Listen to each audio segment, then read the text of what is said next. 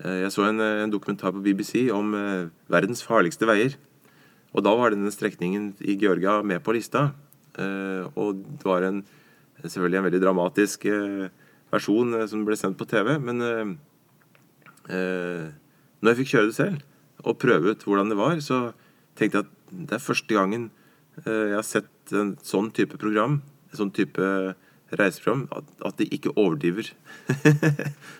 Fordi at det var faktisk eh, nokså hårreisende, for å si det sånn. Eh, mye av strekningen. Og det hadde jeg ikke forventa. Så det var en, eh, en, en, fantastisk opplevelse. Det sa Hans Erik Næss. Han er førsteamanuensis ved Institutt for ledelse og organisasjon ved Høgskolen Kristiania. Han har nylig gitt ut boka 'Kjøregleder bilturer i Europa'. Og mitt navn er Arne Krumsvik.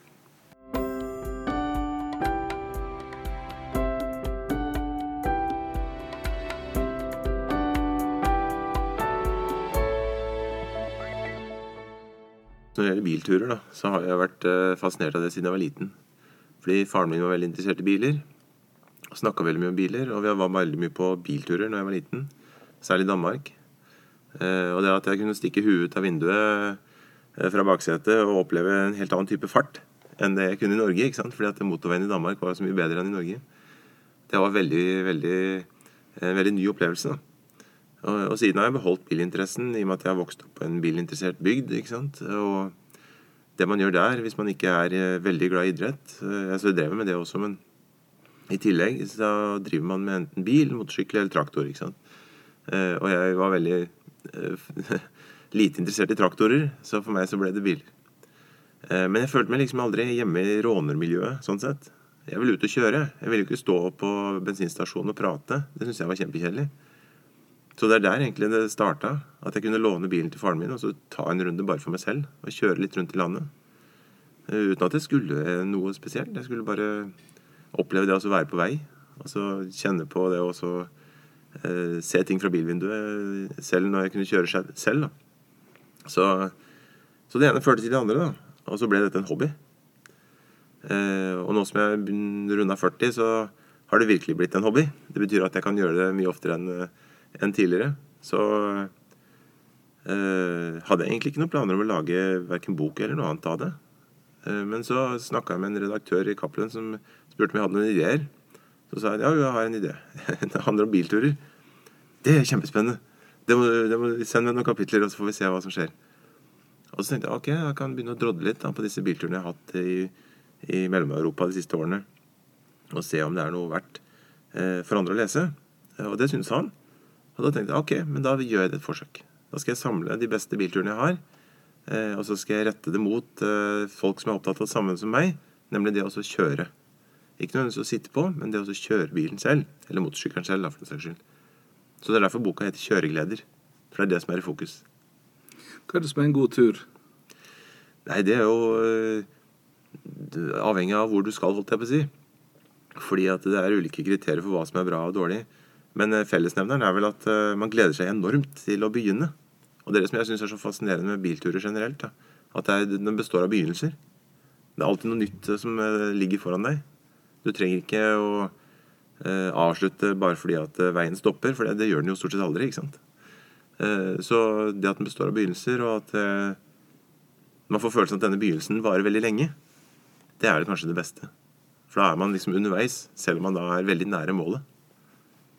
Det er jo hele eh, filosofien bak eh, kjøregledebegrepet, som jeg, sånn jeg bruker det også. At det er liksom gleden ved å være underveis da, som er, det, som er det man ønsker å oppnå. At det er det man eh, setter pris på da, når man, når man er på vei. Du har jo også forska på ting med motor. Ja, det har jeg. Og, og dette, dette, prosjektet her er jo litt sånn i randsonen av det jeg forsker på til vanlig. ikke sant? Som er større idrettsorganisasjoner, og da i spesielt sett Det internasjonale motorsportforbundet, eh, FIA. Men samtidig så er det en, en link her, og det er i kapitlet som handler om Rally Monte Carlo. Eh, som jo er et FIA-organisert eh, løp. Og det er det eldste som finnes av denne type motorsportarrangementer. Og det ble først kjørt i 1911. Og forhistorien her er jo ganske interessant, ikke sant? fordi at eh, på begynnelsen av 1900-tallet så var det NIS i Sør-Frankrike som var den store attraksjonen for eh, velstående turister. Mens eh, Monte Carlo syntes jo at det var veldig eh, leit. da. De ville jo gjerne ha turister i seg selv. ikke sant? Eh, så det, det de gjorde da, var å kjøre i gang to ting. Det ene var et kasino, og det andre var et billøp i fjellene overfor, overfor Monte Carlo. Eh, og for å få til det, da, så måtte de ha med seg både myndigheter og investorer og veibyggere og alle mulige andre til å eh, få et skikkelig løp ut av dette her, og at folk ble med, og at det ga dem status osv. Eh, og det som er morsomt eh, i dag, da, er jo at disse veiene som de begynte med den gangen, er tilgjengelige nå. De var selvfølgelig litt dårligere stand den gangen, men, men eh, det er fortsatt de samme veiene som de kjører både løpet på eh, i dag, og som hvem som helst kan bruke utenom eh, når løpet blir arrangert. Så det syns jeg er veldig fascinerende. Å kunne kjøre de samme sporene som, som mine gamle motorsporthelter eh, har gjort det så mange ganger, og som har gjort det på en sånn måte at eh, det har blitt et av verdens mest kjente eh, billøp. Eh, og kanskje den aller mest kjente tilskuerplassen i et motorsportsammenheng overhodet, nemlig Col de Turini som er en fjellovergang ca. 1600 meter over havet. Som ikke bebos eh, av noe særlig folk, eller sauer for den saks skyld, resten av året. Men disse fire-fem dagene som dette løpet varer, så kan det samle seg opptil 30 000 mennesker her. Så det er en, en fantastisk eh, artig begivenhet eh, som du da kan oppleve kun ved å komme dit med bil. Eh, og dette har jo selvfølgelig Det internasjonale motorsportforbundet innsett. ikke sant? Og de er veldig opptatt av at eh, disse løpene og tilsvarende eh, ting skal beholdes, fordi at de gir eh, motorsporten over hele verden et felles eh, referanseverk. Eh, det gir dem grunnlag for å bygge videre på gamle myter og, og gamle røverhistorier. ikke sant? og sånn sett så har de innsett at det handler ikke bare om å komme med nye endringer for å tiltrekke seg nye kundegrupper eh, og tilskuere osv. i en såpass kostbar verden da, sånn som motorsport er. Men man må også beholde litt av historien og tradisjonen og kulturen da, som har gjort den til det den er. Så det er det egentlig mye av den forskningen min går på også. At eh, når det gjelder det å lage nye tilbud for tilskuere og også for bilfabrikanter, som også investerer ganske mye penger i dette her, Eh, så nytter det ikke bare å komme med en helt frisk ny idé. Man må også ta hensyn til eh, hvorfor de søker seg til denne type motorsport eh, til å begynne med. Og det har de vært sånn medium gode på, vil jeg si.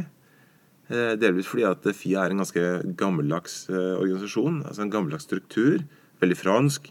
Veldig hierarkisk. Men som da har blitt utfordret ved at de har, i motsetning til Fifa, altså Det internasjonale fotballforbundet, de har sagt fra seg de kommersielle rettighetene. Og Det betyr jo at de har fått en del motstand og utfordringer fra bl.a. Red Bull Media House, da, som eier de kommersielle rettighetene til radio-VM. Men jeg ser det som en god ting, da, fordi at da eh, skaper det litt eh, fornyelse eh, i organisasjonen. Eh, samtidig som Red Bull da eh, på sin side eh, innser at de kanskje ikke kan gjøre akkurat som de gjør med disse amerikaniserte greiene sine når det gjelder et såpass europatungt eh, felt da, som eh, motorsport eh, faktisk er. Så alt dette er jo en del av, av, av boka. at Det handler jo ikke bare om å kjøre bil, men også en del om omstendighetene rundt. Eh, politiske vilkår for at bilen ble såpass eh, sentral i det moderne samfunn. Eh, og hvor viktige veier var for å knytte Europa sammen. Men hva er det turistutvikling da, kan, kan ta med seg fra, fra denne verdenen? Nei, altså eh, Når det gjelder uh, utviklingen av veier på begynnelsen av, uh, begynnelsen av 50- og 60-tallet, så var det jo et veldig klart mål, særlig blant myndighetene i Sveits, Østerrike og en del andre land, at turistene måtte få ta større del i naturområdene som lå tilgjengelig. Og det kunne de ikke gjøre hvis det ikke var noen måte å komme seg dit på. Og med utviklingen av privatbilismen, eh, særlig etter andre verdenskrig, så så de at her er det muligheter for å skape en helt ny type turistnæring. Eh, som da kombinerer folks eh, ønske og interesse for bilferdsel med det å tilby en naturopplevelse som de ikke ville fått på andre måter. Så det var jo hele ideen med disse veiene. Ofte var å lokke folk ut i, ut i, ut i naturen. eh, Hvor paradoksalt igjen kan høres ut at du kjører bil ut i naturen. Men, men sånn var det. ikke sant? Du, Hvis du skulle oppleve det, så måtte du komme deg dit. Og du kom deg ikke dit eh, med mindre du var ekstremt glad i å sykle. Eh, På andre måter enn med bil. Og da måtte de ha veier, fordi at jo flere turister, jo større blir kravene, eh, og bedre må veiene bli. Eh, Samtidig som de da også oppdaget ganske raskt at disse veiene ble en turistattraksjon i seg selv. Så derfor så har de nå eh, kommet dit hen at eh, en del av disse veiene, i hvert fall noen av dem, har blitt eh, kandidater til Unescos verdensarvliste. Og det sier jo litt da, om hva slags betydning de har hatt for, for det området som de ligger i. ikke sant? Sånn som Grossglockner i, i Sveits, f.eks., som er et eh, veldig fascinerende område, og hvor veien er lagt på samme måte som, som elver eh, forflytter seg gjennom landskapet. Det er veldig estetisk gjort. da. Eh, Og de gjorde veldig store eh, studier på forhånd for å se ok, hva er det de beste veiene består av. Hvordan er det designet? Eh, Hvordan ivaretar de både naturen og den som skal kjøre denne strekningen. Ikke sant? Og dette var en overraskelse for meg, fordi jeg trodde at de hadde, de hadde selvfølgelig tenkt gjennom dette her, men at det skulle være såpass mye vekt på det estetiske og på en måte mm, kjøregleden da, allerede fra start. Det var en ny opplevelse. Så jeg skjønner jo litt mer nå, da, når jeg har kjørt disse veiene, at, eh, at eh, det var en tanke bak. Eh, og det ser man, veldig, ser man veldig godt når man får det forklart, for å si det sånn. Har du en sånn eh, drømmetur som du ender seg gjennom først? Ja, altså jeg, Disse kjørturene her handler jo eh, bare om europe, eh, europeiske utflukter. Så det er jo resten av verden, for å si det sånn. Um, og jeg er nettopp tilbake fra en tur i Georgia, hvor jeg kjørte opp i fjellene mot Kaukasus, som jo var fantastisk eh, spennende, og som var en helt annen type opplevelse da, enn disse veiene her. fordi at eh, jeg så en, en dokumentar på BBC om eh, verdens farligste veier. Og da var denne strekningen i Georgia med på lista. Eh, og det var en, selvfølgelig en veldig dramatisk eh, versjon eh, som ble sendt på TV. Men eh, eh, når jeg fikk kjøre det selv, og prøve ut hvordan det var, så tenkte jeg at det er første gangen eh, jeg har sett en sånn type program, en sånn type reiseprogram, at, at de ikke overdriver. Fordi at det var faktisk eh, nokså hårreisende, for å si det sånn eh, mye av strekningen. Og det hadde jeg ikke forventa. Så det var en, en, en fantastisk opplevelse. Og det, det ser jeg for meg at jeg håper å gjøre mer av framover også. Eh, I andre verdensdeler, spesielt Sør-Amerika. da. Fordi der er det jo mange berømte eh, strekninger som går veldig høyt. Eh, og det er et eller annet med høyden, på samme måte som fjellklatrere. ikke sant? Du søker stadig høyere. Eh, og sånn er det med kjøreturer også. Eh, det altså å kjøre over sånne fjelloverganger. Man søker stadig høyere. Og noen av de høyeste som er tilgjengelige da, for folk flest, er jo Sør-Amerika. De aller høyeste er i, i Asia, altså i Nepal og Tibet og sånn. Men der er det såpass mye mikk-makk med dokumenter og kjøretillatelser og, og alt mulig annet at, eh, at det er ganske langt uh, fram i tid, for å si det sånn. Sør-Amerika, der er det muligheter. Så der eh, Jeg ser mye på kart over Sør-Amerika for tida. Som du sa, det, det er litt av eh, turen, det å planlegge og glede seg. Ja, jeg syns det, altså. Jeg syns det er en undervurdert eh, del av det å reise generelt. Det å planlegge. Og så ser jeg for seg forskjellige ruter og forskjellige utfall. og eh, Hva skal jeg gjøre hvis det skjer, osv. Og, og jeg mener ikke at man må planlegge som om det er en ekspedisjon. Eh, sånn type Sydpolekspedisjon. Men eh, det altså bare det, altså, Nå er jeg sikkert gammeldags, da, men det er bare det å se på kart. Og så se på ulike ruter. Eh, hva er det ved denne type ruta som, eh, som gjør at eh, den er mer forlokkende å kjøre enn den andre? Eh, hva slags type bil er det tror kan passe til denne strekningen?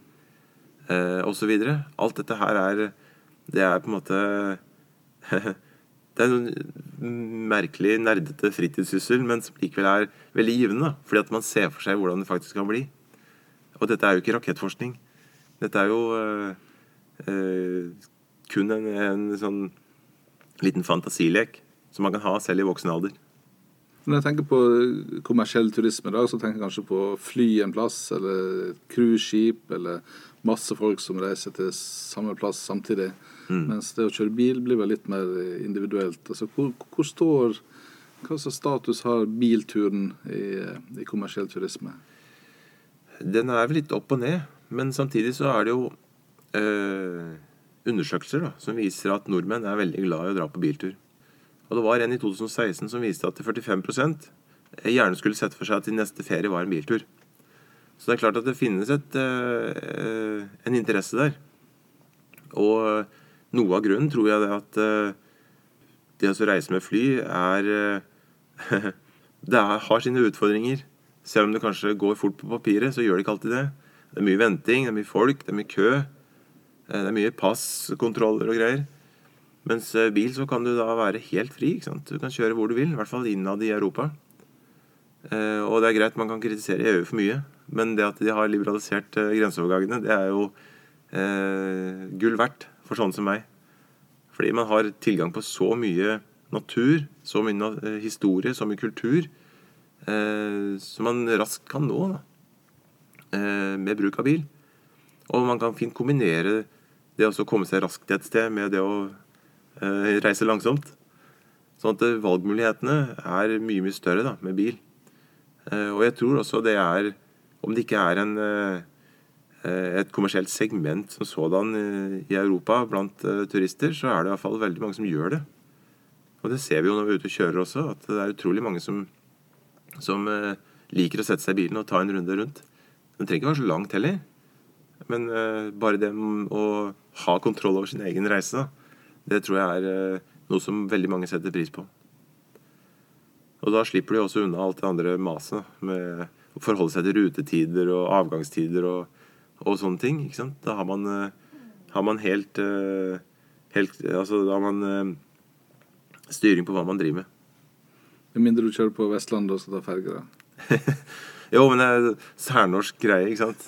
Disse fergeovergangene som er helt håpløse. Ingen veit når de går, eller når de kommer, eller om du får plass i det hele tatt. ikke sant? For plutselig er det fullt, og så er det sju busser med japanske turister som skal over. og så...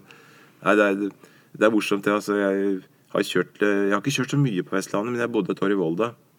Eh, og da fikk jeg jo en anledning til å dra litt rundt. ikke sant? Eh, og alle disse fergene det er Jeg klarte aldri å komme helt inn i, helt inn i logikken der, da. fordi det er eh, En ting er hva som står i disse lefsene som man fikk utdelt, ikke sant? med fergetider osv. Eh, den gangen. Men eh, det å faktisk eh, finne ut når den går, og hvorfra den går, og, og sånn, det, det, var en helt egen vitenskap, altså. Så, så Nei, jeg er, jeg er, mer Jeg er glad det har kommet broer her og der. Selv om det koster penger. Men Apropos vitenskap, du, du forsker jo på rally. Hva er det den egentlig gjør da når en forsker på rally? Ja, nei, Det er jo ikke selve rallysporten som sådan. da. Det er jo mer organisasjonen som står bak, altså FIA. Og hvordan de balanserer balanserer det som jeg var inne på i stad, behovene for fornyelse. ikke sant? Fordi at de har jo konkurranse fra andre typer idretter og underholdningsaktiviteter. Eh, og balanserer dette da med hva slags tradisjon som har gjort det at sporten har blitt hva den har blitt. Og der er det mange meninger. ikke sant? Eh, veldig mange eh, ønsker at alt skal være som det har vært, og gjerne ikke vil endre på noe. Mens andre der igjen vil ha radikale brudd med fortiden og så kjøre helt kjøre en strategi da, som går helt på å finne ut nye uh, fansegmenter, for å si det sånn. Og så heller gi blaffen i de, de 5 av Die Hard-fans som alltid er veldig høylytte. Og Noen av bilfabrikantene er sånn. De tenker at ok, hvis vi får 20% flere fans eh, i en yngre guide, så er det mye mer verdt enn, at, enn tap over de 5% liksom, som er eh, av den gamle guide. Uh, og min holdning, da, etter å ha intervjuet folk og gjort feltarbeid og, og sånne ting eh, av begge leire, for å si det sånn, både de som ønsker fornyelse og de som ønsker å beholde alt, så er det det at de snakker veldig mye om de samme tinga. De bare snakker ikke med hverandre. Så, så konklusjonen da, på det som var tema for avhandlingen, f.eks., var jo at uh, hvis, så, hvis de bare begynner å snakke sammen, så kan det hende at de er mye mindre uenige enn de tror. For jeg kunne ikke finne ett eh, eneste dialogmøte, f.eks. Eh, annet enn en de som sitter med makta fra før av. Og jeg tenker at Hvis man har en sånn utvidet forståelse av interessenter, eller stakeholders, så tror jeg man kan unngå veldig mye sur stemning. Eh, og det skal ikke så mye til, tror jeg. Eh, det gjelder bare å gi folk en følelse av at de er inkludert. Og Det trenger ikke nødvendigvis være kostbart, det trenger ikke ta masse tid. Og det kan likevel være reelt. Altså Det er ikke bare en skinn, skinnprosess, det kan være helt Hva er det som er konkrete fellesnevnere, sånn som du ser det? Nei, det, fellesnevneren er selve konkurranseoppsettet. Eh, altså hva som gjør at eh, den ene vinner fremfor den andre. For i rally så er det sånn at eh, du kjører mot klokka. ikke sant? Den som bruker kortest tid i løpet av ca. 20 etapper i løpet av et løp, eh, den vinner. Eh, og for å på en måte piffe opp dette her, da, så er det noen som har foreslått at du skal få ekstrapoeng hvis du kjører fortere i den delen av løpet, eh, og at eh, hvis fansen liker det, så skal du få ekstra hestekrefter osv. Og, og for de tradisjonsbundne ikke sant, så er dette helligbrødet. Bare hva er dette her for noe tull? Eh, at du skal få lov å trimme bilen også hvis du er populær? Ja, ikke sant. Eh, og da De mener at dette er jo bare tøys. ikke sant. Da, da er det ikke den som kjører raskest som vinner, men den som har mest følgere på, på Twitter. Og det er jo kanskje ikke helt sånn som eh, de har sett for seg. Eh, mens eh, FIA, da, organisasjonen, de er jo åpne for dette her. fordi de ser jo at ok, hvis vi ikke fornyer oss, så kan det hende at det ikke blir noen tradisjoner å ta vare på om ikke lenge. Så der er det et sånt eh, forhandlingsspill som, som, man må innse at det er et faktum. Det nytter ikke bare enten holde på det gamle eller forlange alt som er nytt. Man må forhandle. Og det er nettopp det, da. At eh, de må forhandle om de sentrale tingene som er Begynne med de tingene som er mest uh, uh, følelsesvekkende for folk flest. Også, og de tingene som har størst konsekvenser da, for de som investerer opptil 100 millioner euro i dette her. Så det å bare få folk til forhandlingsbordet, det er på en måte første steg. da. Så siden jeg leverte inn dette her, så har jeg jo sett på andre deler av virksomheten også. Eh, som, på, som, går litt mer på det politiske ved å arrangere løp i, i land som ikke har en spesielt god uh, demokratirating osv. Men det er en del av samme eh, problemstillingen. da. At det er såpass mange som har en interesse eller en, en stake da, i, i, dette her, at uh, jo før man begynner med en utvidet forhandlingsprosess, jo enklere vil det være å planlegge for framtida. Det er liksom uh, bunnlinja her. Du har jo skrevet bok om kjøreglede. og du sier at det er å, det å kjøre som er, som er gleden. Mm. Spiller det noen rolle hva slags bil du kjører? Ja, det gjør det, altså. Jeg, og, men kanskje enda mer hva slags biltype. Fordi at i noen av disse turene Eh, som går i ganske eh, mellom høye fjell, så er det f.eks. veldig fascinerende å kjøre kabriolet. Eh, og så spør folk meg hvorfor er det det. Jo, fordi at da får du panoramautsikt på en helt annen måte enn du gjør hvis du ikke kjører kabriolet. Samtidig så blir du eh, overveldet da, av inntrykk som du ikke gjør hvis du lukker deg inne i en, i en tett kupé.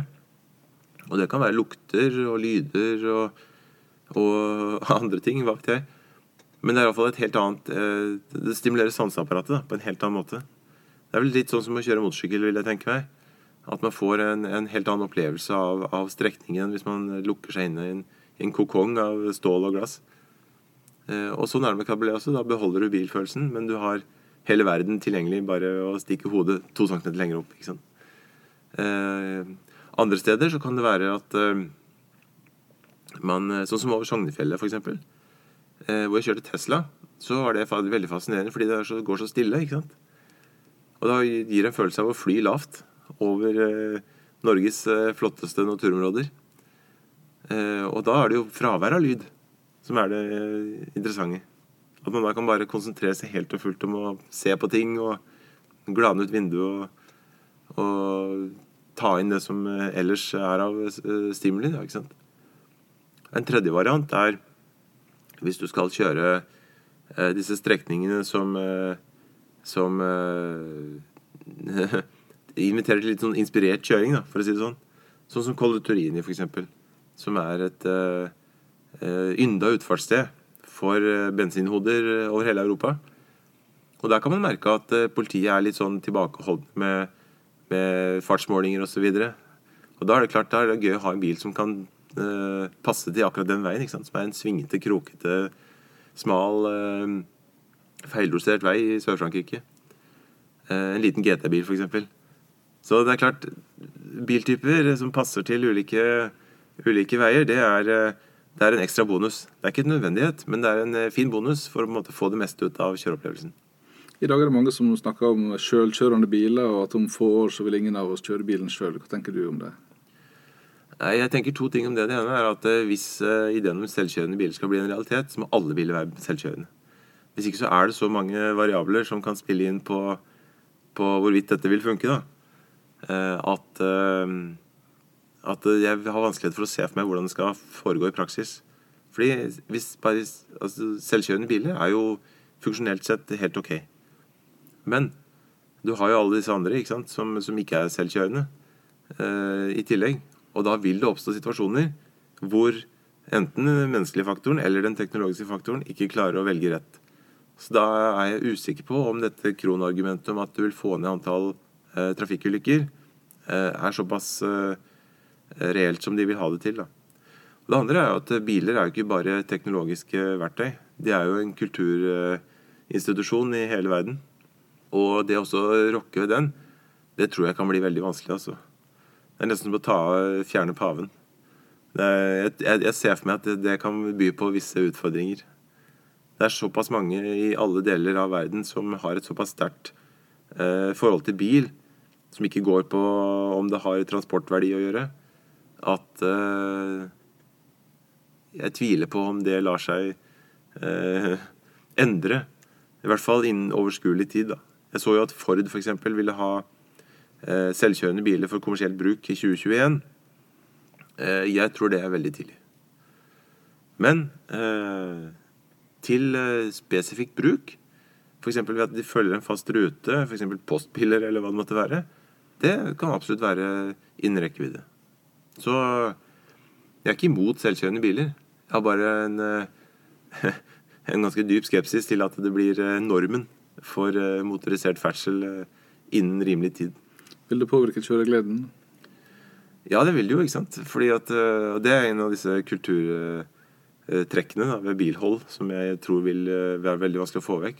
Fordi det å kjøre selv, det å være sjef, det er jo såpass sterkt knytta til selvstendighet og til individualisme. og, og det å bli voksen. Da, ikke sant? For Når du tar lappen, det er først da man er voksen. Eh, at eh, disse selvkjørende bilene vil ja, nei, det vil stå et fullstendig motsetningsforhold da, til alt hva kjøreglede handler om.